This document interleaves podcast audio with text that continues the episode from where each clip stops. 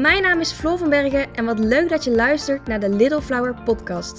De show waarin ik mijn ervaring en kennis deel over het ondernemerschap, maar ook over social media, contentcreatie en branding. Zo deel ik tips en tricks over hoe je deze onderwerpen zelf kunt inzetten voor jouw business. In deze aflevering gaan we het hebben over ondernemen op een jonge leeftijd.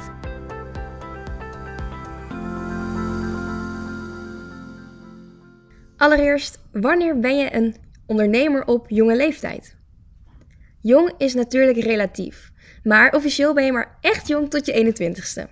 Al dus Google. Er zit geen minimumleeftijd aan om te starten met je eigen bedrijf. Wel heb je toestemming nodig van je ouders of voogd om je in te schrijven bij de Kamer van Koophandel wanneer je nog onder de 18 bent. Verder kan het ook zo zijn dat je een toestemming nodig hebt wanneer je bijvoorbeeld gaat handelen en dus spullen moet bestellen of overige contracten moet afsluiten. Zelf ben ik begonnen met ondernemen op mijn 15e en voor mij was dat de normaalste zaak van de wereld. Maar terugkijkend uh, was dat natuurlijk best wel jong. En op dit moment ben ik inmiddels 20 jaar oud en heb ik dus ook een hoop ondernemersjaren er alweer bij. Maar ik ben voor de meeste mensen om mij heen nog steeds een jong ondernemer. En soms werkt het in mijn voordeel en soms in mijn nadeel. Zo denken sommigen bijvoorbeeld: Oh, ze is pas 20. Ze heeft dus nog niet zo heel veel ervaring of kennis. Maar anderen denken ook: Wauw, ze is pas 20 en nu al zo ondernemend. Die heeft een frisse, vernieuwde blik op zaken. Die moeten we hebben. En zelf zag ik het eerst ook altijd als iets negatiefs.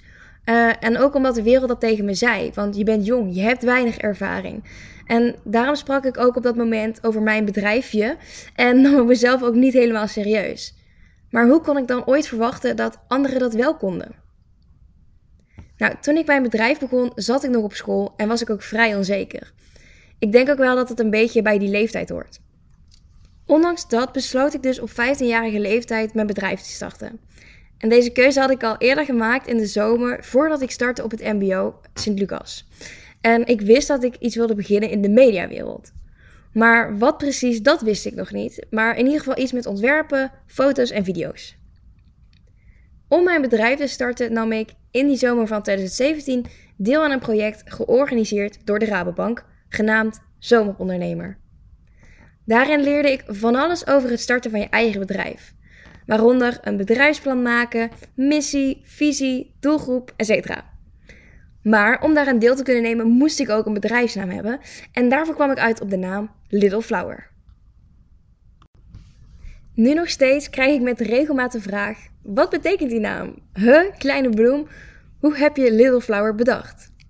Nou, voor mijn bedrijfsnaam wilde ik het liefst mijn eigen naam erin verwerken, want dan is het ook echt iets voor mij, echt een persoonlijke bedrijfsnaam.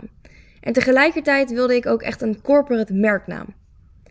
Nou, dan start je met brainstormen en kom je gelijk uit op iets simpels als floor design. Nou, misschien denk je, beetje simpel, maar verder prima toch? Nou, als je even verder gaat nadenken, kan het nogal wat verwarring opleveren. Want floor betekent in het Engels natuurlijk vloer of verdieping. Nou wilde ik nog niet per se vloeren gaan verkopen, dus dat was helemaal niet echt een goede keuze. Naast dat het ook totaal niet creatief is. Dus ik ging weer even verder brainstormen en bedacht me opeens iets. Wanneer je in zo'n fijn moment zit dat je eindelijk lekker even kan doorwerken, dan zit je in de flow. Ik dacht, wow, wat tof. Daar komen ook precies mijn eerste drie letters in voor. Dus ik was verkocht. Alleen bedacht ik me later dat ik het woordje flow uh, ja, niet heel veelzeggends vond. Het was ook al heel erg kort, dus ik wilde daar heel graag iets aan toevoegen. En verder vind ik het als ondernemer en als persoon ook heel belangrijk om jezelf te blijven ontwikkelen en door te blijven groeien. Zo kwam ik uit op de naam Little Flower, wat betekenis staat voor mijn eigen groei en ontwikkeling. Na dat project in de zomer van 2017 startte ik met de opleiding Crossmedia Vormgeving op het Sint-Lucas in Eindhoven.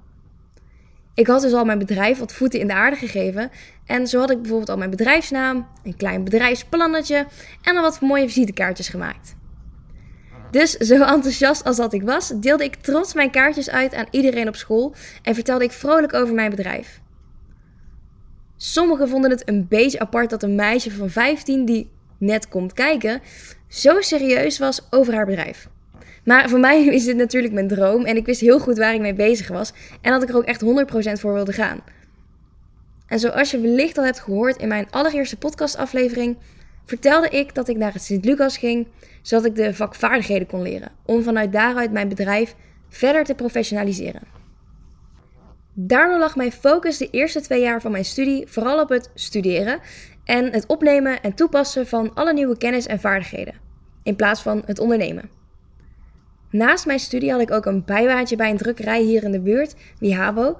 En ik wilde daar heel graag werken, um, zodat ik alvast in aanraking kwam met de verschillende mogelijkheden van grafisch ontwerp en de verschillende druktechnieken.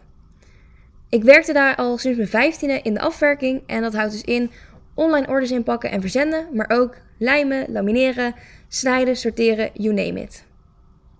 En op die manier werd ik helemaal ondergedompeld ook in de grafische wereld en dat vond ik echt fantastisch. In leerjaar 3 van mijn studie merkte ik dat, mijn, dat ik mijn bedrijf wat professioneler wilde gaan aanpakken. Ik had al wel wat klanten gehad, maar dat waren voornamelijk vrienden of kennissen. En echte bedrijven wilden niet echt samenwerken, omdat ik geen inschrijving had bij de Kamer van Koophandel, waardoor het voor hen niet zo interessant was. Daarom besloot ik dat wel te gaan doen in 2019. Uh, op dat moment was ik 17 en uh, daardoor moesten mijn ouders dus ook eventjes mee om een handtekening te zetten. Maar dat was uiteraard geen probleem. En toen ik eenmaal echt officieel ingeschreven was, merkte ik dat dat mij zo'n boost gaf. En sindsdien is het echt allemaal in een sneltreinvaart gegaan. Ondanks dat mijn bedrijf goed begon te lopen, moest ik wel nog steeds focussen op school natuurlijk. Um, en in leerjaar 3 ging het voornamelijk om groepsopdrachten. En dat maakt het combineren van een bedrijf nog lastiger, omdat je je opdrachten nog beter moet managen. En dat ging niet altijd even goed. Um, maar in het vierde jaar lag de focus voornamelijk op het zelfstandig en individueel werken. En daardoor kon ik in overleg met mijn LOB'er, uh, wanneer ik het heel erg druk kreeg met opdrachten van buitenaf, ze ook gebruiken als vervangende opdracht voor school. En dat dat mogelijk was, heeft me echt enorm geholpen. Uh, en ervoor gezorgd dat ik ook meer motivatie had voor de schoolopdrachten. Want je kunt je vast wel voorstellen, uh, wanneer je dus een fictieve of een echte opdracht hebt, je liever kiest voor de echte, althans, daar zou ik voor kiezen. Maar zo zie je maar dat ondernemen in combinatie met een studie zeker te doen is. Als je het maar goed overlegt en duidelijk bespreekbaar maakt met je docenten, zodat zij ook weten dat je hier serieus mee bezig bent. Wat natuurlijk ook in mijn voordeel werkte, was dat aan het eind van mijn studieperiode corona uitbrak. En daardoor ging ik heel veel vanuit huis werken en bespaarde ik een hoop reistijd. En daar heb ik dan ook goed gebruik van kunnen maken. Want wanneer je een fulltime studie doet en er is geen corona, kan het wel heel erg pittig zijn. Ook als je al serieuze opdrachten uh, ernaast hebt, die dus wat meer tijd van je vragen. Ik heb wel eens gehoord van andere jonge ondernemers dat wanneer je bijvoorbeeld een HBO doet, er ook bepaalde topondernemersregelingen zijn, als ik het goed zeg. Ik durf niet helemaal precies te zeggen wat deze inhouden. Um, maar het schijnt een soort gelijk te zijn dat wanneer je bijvoorbeeld een topsporter bent uh, en je dus vrijstelling kunt krijgen voor bepaalde onderdelen. En zo geldt dat waarschijnlijk ook voor een topondernemerregeling. Uh, maar um, ja, volgens mij moet je dan wel aan kunnen tonen dat je ook echt daadwerkelijk een bepaald aantal uur bezig bent met je bedrijf. Maar goed, je kunt er in ieder geval naar vragen. En school kan dus een nadeel zijn als je wilt ondernemen, omdat het tijd kost. Maar laat het je niet in de weg staan, want er zijn dus mogelijkheden en vraag daar dan ook naar. Ik merk namelijk nog dat heel veel mensen denken dat ondernemen op een jonge leeftijd heel lastig is of dat er heel veel nadelen zijn, maar er zijn juist ook heel veel voordelen aan jong ondernemer zijn. Zo ben je natuurlijk jong. Je mag fouten maken. En niemand neemt je het ook kwalijk, want je moet ergens beginnen. En er is geen beter moment dan nu. Daarnaast is het wanneer je jong bent, woon je ook vaak nog bij mijn ouders. Of ja, in mijn geval is dat in ieder geval. En dat zorgt ervoor dat ik nog niet zo heel veel vaste last heb en dus meer financiële vrijheid. Dus stel dat het mislukt, dan krijg ik nog steeds te eten thuis.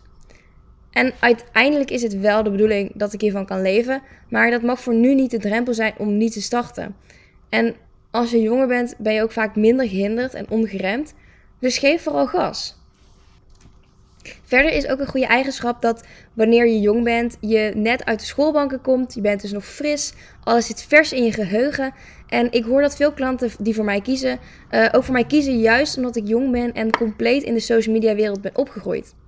Dus wie kan dat nou beter weten? Een stoffig reclamebureau of iemand die helemaal up-to-date is, die uh, van de laatste trends en de features. Betekent overigens niet dat een stoffig reclamebureau dat niet is, just saying.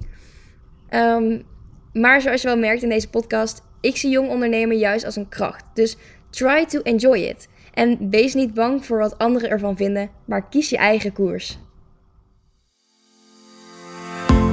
Hopelijk heb je iets uit deze aflevering kunnen halen. Ik ben heel benieuwd of je hierin herkent. Uh, zo ja, laat het me dan zeker even weten door me een berichtje te sturen op Instagram, littleflower.nl. Daar kun je me ook volgen voor tips en nieuws rondom ondernemerschap en social media. Ik wil je bedanken voor het luisteren en tot de volgende aflevering.